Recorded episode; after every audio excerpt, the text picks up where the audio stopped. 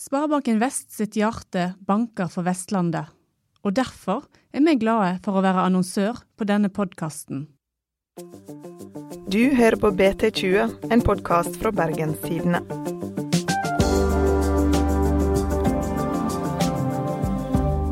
I 40 år brøt Terje Larsen seg inn i over 700 norske hytter. Han var på jakt etter mat og alkohol. Men hvem var Terje Larsen, og hvordan ble han egentlig til vandreren? Mitt navn er Ingvild Nave.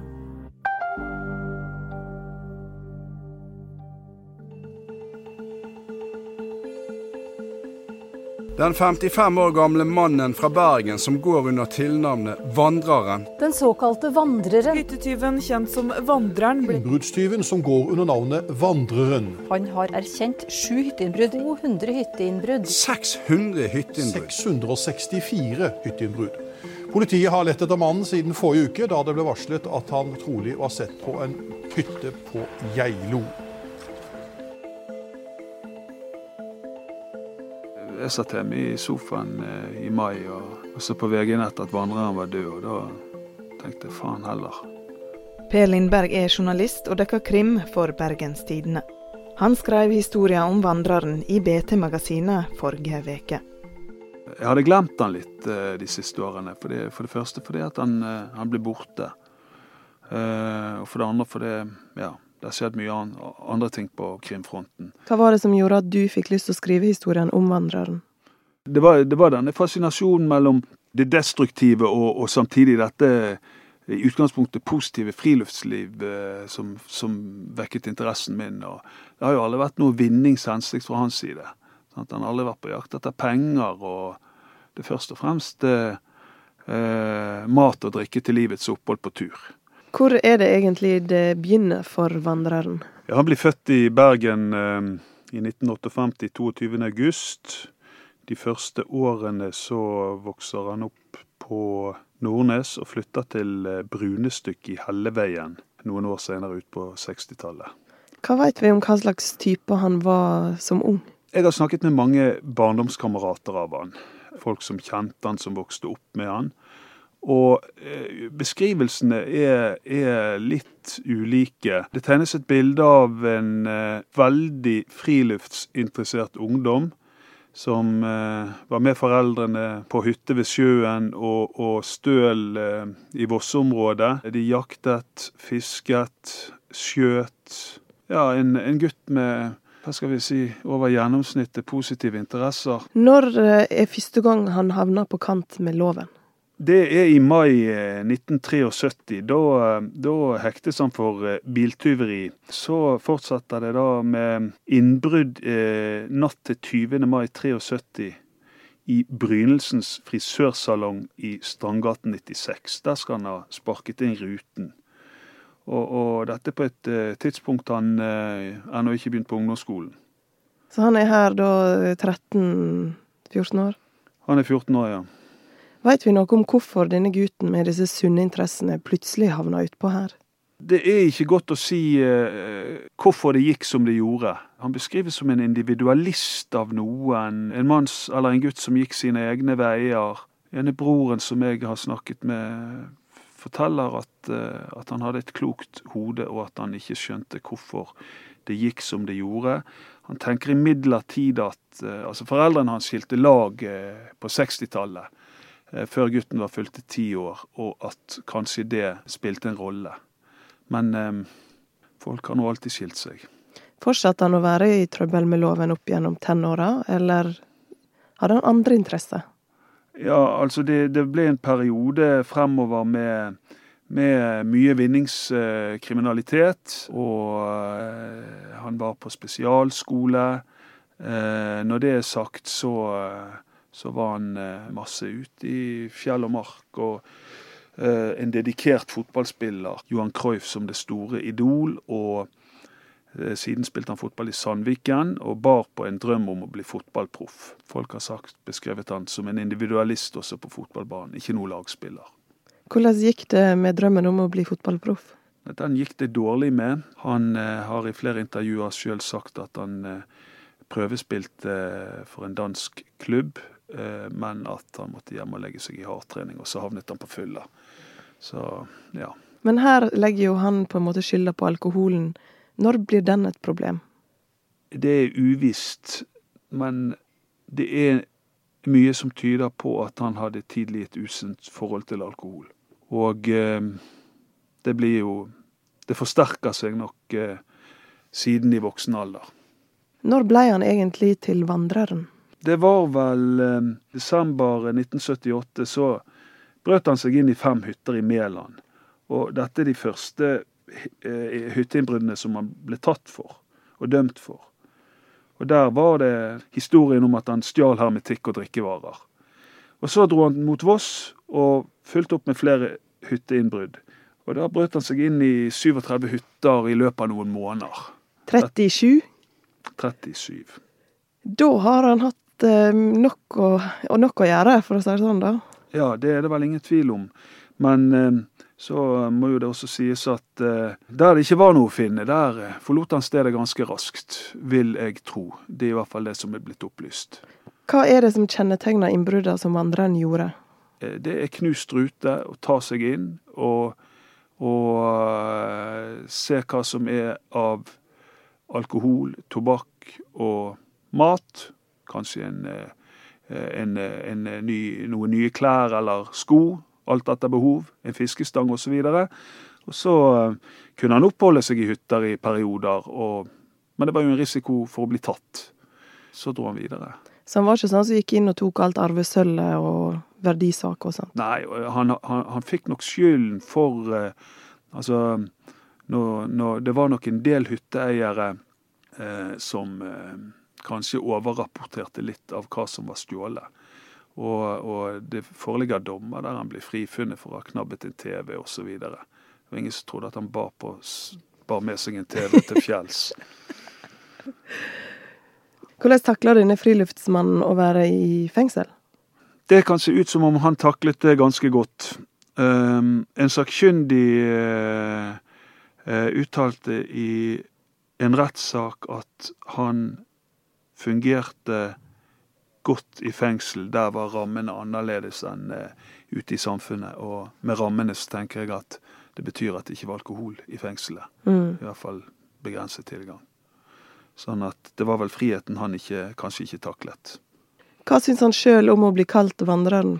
Det tror jeg ikke han hadde noe imot. Det, det han heller mislikte, var jo denne Det skjedde noen ganger at han, eh, at han eh, var i hytter og måtte gjøre sitt for nøden, og, og det endte med at han eh, gjorde fra seg inni mm, hytter. Akkurat hvor mange, det vet jeg ikke, men det skjedde i hvert fall. Og dette ble jo tema i mediene. og og veldig ofte referert til som hans visittkort, at han gjorde fra seg i hyttene. Vandreren var berykta for å grise til hyttene, han, hyttene som han gjorde innbrudd i. Vandreren var berykta for å grise til hyttene med mat og avføring. Det mislikte han eh, veldig, og det tok han avstand fra et intervju. Han sa det at det var ikke enkelt når du hadde gått flere uker på fylla og spist lapskaus. Men dette er ikke noe som går igjen i dommene du har lest? Nei, nei, det er sjelden det er nevnt. Men hvordan fikk politiet tak i han da? Måtte de òg gå på fjellet og jakte etter han? Ja, i perioder så var de på jakt etter han, og i, i ganske lange perioder som sommeren 2001. Det startet jo med at han fikk permisjon fra, fra fengsel, dro til Hønefoss for å kjøpe fotballsko. Så klarte han ikke å gå forbi Vinmonopolet. Eh, etter eget utsagn så kjente han den vonde lyst. Og, og gikk på polet og satt senere på bussen til Oslo. Så var det videre oppover i områdene på, på Østlandet. Og der startet dette raidet med, med, som endte med domfellelse for 200 hytteinnbrudd. Men hvordan klarte han 200 hytter på så kort tid? Han må jo ha tatt flere for dag? Ja, han har gått mye. Han har vært i god fysisk form. Han har sittet i fengsel og, og holdt det på å si um, vært edru og trent mye og levd sunt, spist godt. Han var klar for våren, han. Det var jo da denne myten om vandreren virkelig oppsto.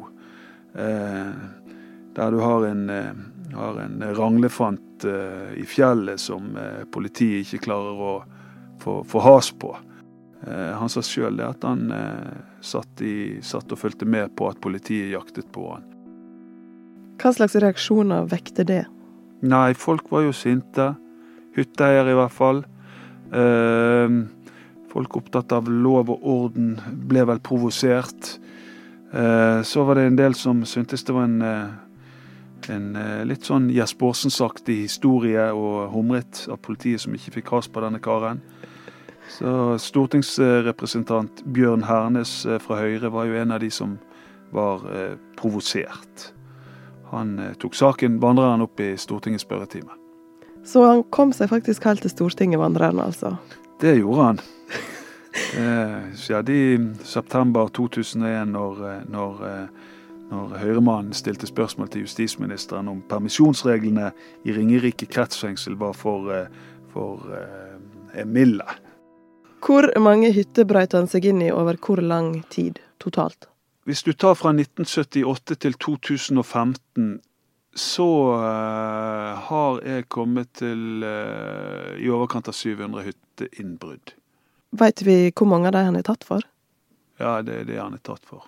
Han la aldri skjul på, uh, på, på, det han hadde gjort. Når han ble tatt, så viste han politiet hvor han hadde vært. Og, så han hjalp jo til med å å oppklare, finne frem til hytta det var begått innbrudd i, som ikke politiet visste om. Så han anga rett og slett seg sjøl? Ja. Og dette fikk jo han eh, eh, strafferabatt for i, i, eh, i rettssakene opp igjennom. Veit du noe om hva politiet syns om han? Jeg tror de var eh, Ja, han var en pest og en plage i perioder. eh, men eh, jeg tror de følte Det er i hvert fall politifolk som uttrykte at de syntes nok litt synd på han, og ja, hadde, hadde også litt, kanskje litt medynk med han, og ja. I tillegg til disse innbruddene så ble han jo òg dømt for vold mot sin egen fetter. Hva veit vi om den saken? Dette er jo en eh, tragisk sak. Eh, sommeren 1990 så dro han med fetteren til Røros. Og der brøt de seg inn i en hytte, de to. Og eh, det ble nytt alkohol og ja, det vanlige. Så oppsto det en konflikt og et slagsmål, ifølge Larsen. Fetteren gikk i bakken inne i hytten. Eh, Larsen dro fra hytten, men kom eh, tilbake etter forholdsvis kort tid. Og Da fortalte han siden at da sto hytten i brann, og han forsøkte flere ganger å redde fetteren uten å lykkes. Og Larsen dro fra stedet, og, og fetteren kom aldri tilbake til Bergen og ble siden etterlyst. Så gikk det over et år uh, før, uh, før uh, man fant en sekk i nærheten av hytten, og politiet begynte å se på denne hyttebrannen, etterforske mer. og De hadde mistanke om at dette kunne være den savnede fetteren fra Bergen.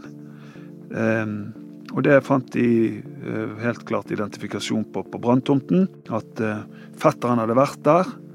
Og Larsen ble da siktet for drap. Oi. Ja. Ja, hva gjorde han da? Nei, Han nektet skyld, og ble siden, eh, siden dømt for, for vold mot fetteren. Sånn at han ble liggende i hytten, og at hytten ble brant ned ved en uheldige omstendigheter. Retten fant aldri bevist at, eh, at han hadde til hensikt å, å, drepe fetteren. Politiet fant det heller aldri sterke nok beviser til å ta ut en, eh, gå inn for en eh, tiltale i saken. Hva slags forhold hadde han til familien sin? Han hadde et uh, godt forhold til sin eldste bror, og besøkte han da han var i Bergen. Og, og de var sammen uh, Eh, ved ulike anledninger. Han hadde også et eh, godt forhold til sin mor. Sendte alltid brev til henne på bursdagen. Eh, til sine sønner og ekskone så var det vel et ikke-eksisterende forhold. Veit vi noe om hvorfor det blei sånn? Det vet jeg ikke, men, men, han fikk i hvert fall to barn i 81 og 83, to gutter. Og, og han skal ikke ha hatt kontakt med de eh, siden den gang. Eh, altså når han dro fra Bergen og skilte seg. Nå skal du få ei kort melding fra vår annonsør. Vi er straks tilbake. Sparebanken Vest har et hjerte som banker for Vestlandet. Vi støtter små og store samfunnsnyttige prosjekter, og ett av de er Fellesverket. Det er en møteplass for ungdom i regi av Røde Kors, og nå er vi på vei til huset som ligger i Sverres gate 3. Per Henrik Hansen, du er prosjektleder her i Fellesverket. Stemmer det. Og kort, hva er Fellesverket? Fellesverket er rett og slett et sted hvor uh, ungdom kan være. Altså. Bare å henge. Vi er uh, åpent for ungdom mellom 13 og 25 år. Alt er gratis. Vi hører her, det er jo mye liv, og folk har det bra. Uh, hva gjør ungdommen når de kommer hit? Det er eh, nettopp det. De, vi er her på ungdommens egne premisser. De gjør det de vil selv. Vi har også noen konkrete aktiviteter her, f.eks. leksehjelp. De kan få hjelp til leksene sine. Og en del andre aktiviteter som vi driver på Fellesverket som de kan bli introdusert for. Men hvis de vil, så kan de bare komme og henge, ta seg en matbit, henge med noen kompiser, høre på litt musikk og kose seg. Er det noe liv her, eller? Det var en melding fra annonsøren vår. Nå går vi videre i podden. Har du noen anekdote fra noen av disse gåturene han har vært på? Jeg snakket med en turkamerat som gikk med han. Eh, de møttes vel på en Blå Kors-klinikk i Bergen. og Terje Larsen spurte om han ville være med på tur over Hardangervidda. Han eh, karen som jeg snakket med for noen uker siden, han eh, fortalte jo det at dette, dette svarte han nei til, for det ville han ikke klare. og, og men eh, Larsen fikk noen med seg, og, og de dro, tok toget til eh, Ustaos, eh, mener jeg det var. Og så begynte de å gå. Og, og det som i hvert fall han kompanjongen som fortsatt lever, forteller, det er jo det at eh, du vet ikke hvor mye sprit det er i fjellet. så de levde godt der oppe? Ja, de levde, om de levde godt, så, så trivdes de i hvert fall. For, for han Svirebroren som, som, jeg snakket med nylig, han eh, beskriver det som en av eh, sine livsferier.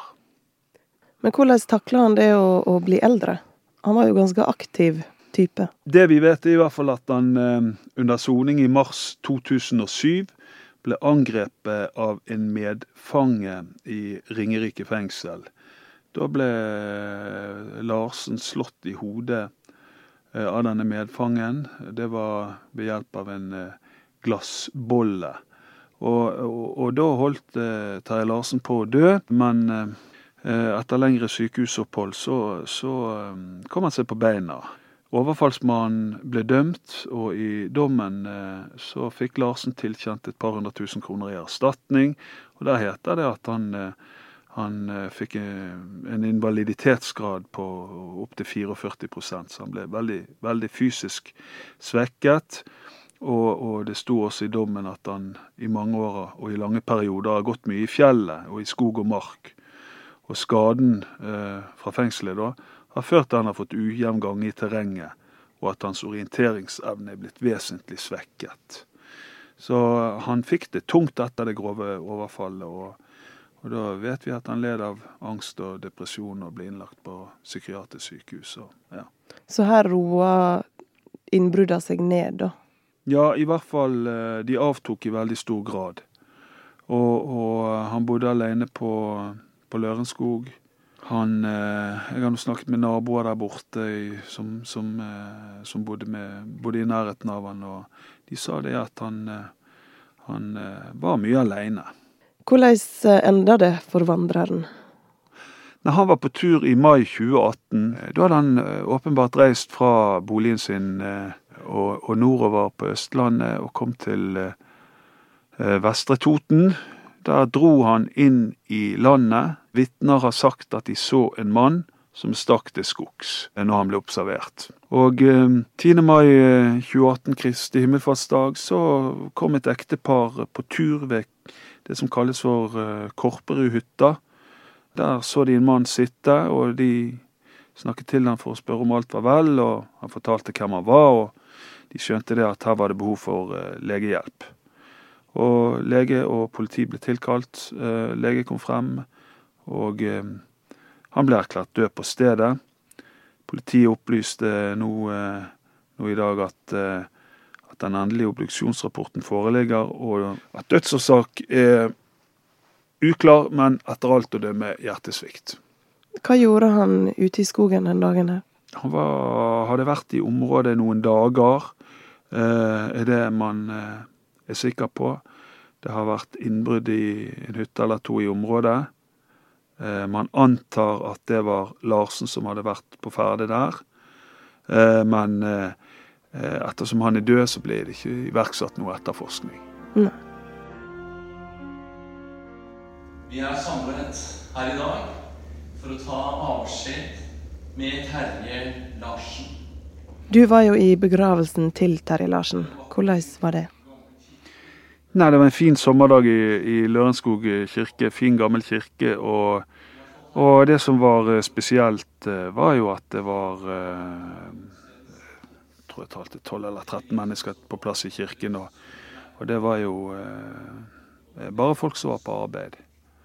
Sånn at eh, det var en prest, en organist og en del journalister og, og folk fra begravelsesbyrå osv. Så videre. sånn at eh, det var ingen fra familien som tok farvel med han.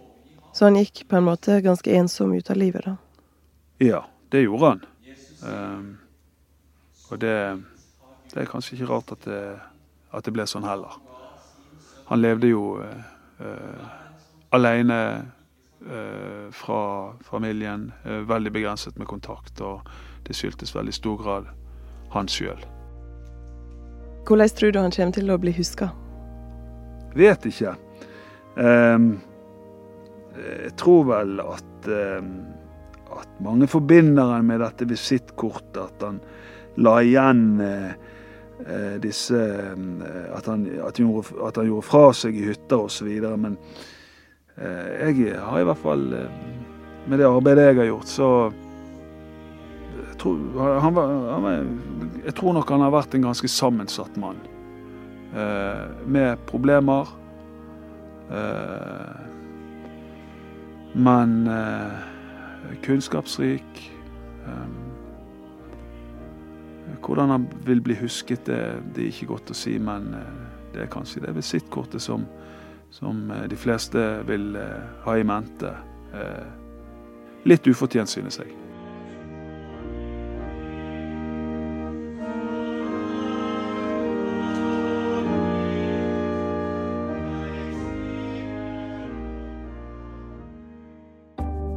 Det var ukas episode av BT20. Vi er tilbake om ei veke.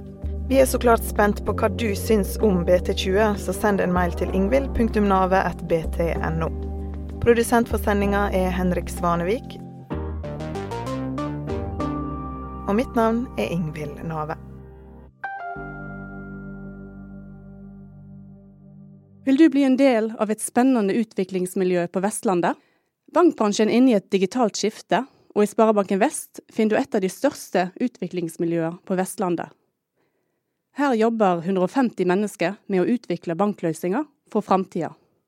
Når vi spør hvorfor våre medarbeidere trives så godt hos oss, er de vanligste svarene det sterke fagmiljøet og de flotte mennesker. Nå trenger vi flere engasjerte og dyktige systemutviklere. Les mer på sbv.no jobb.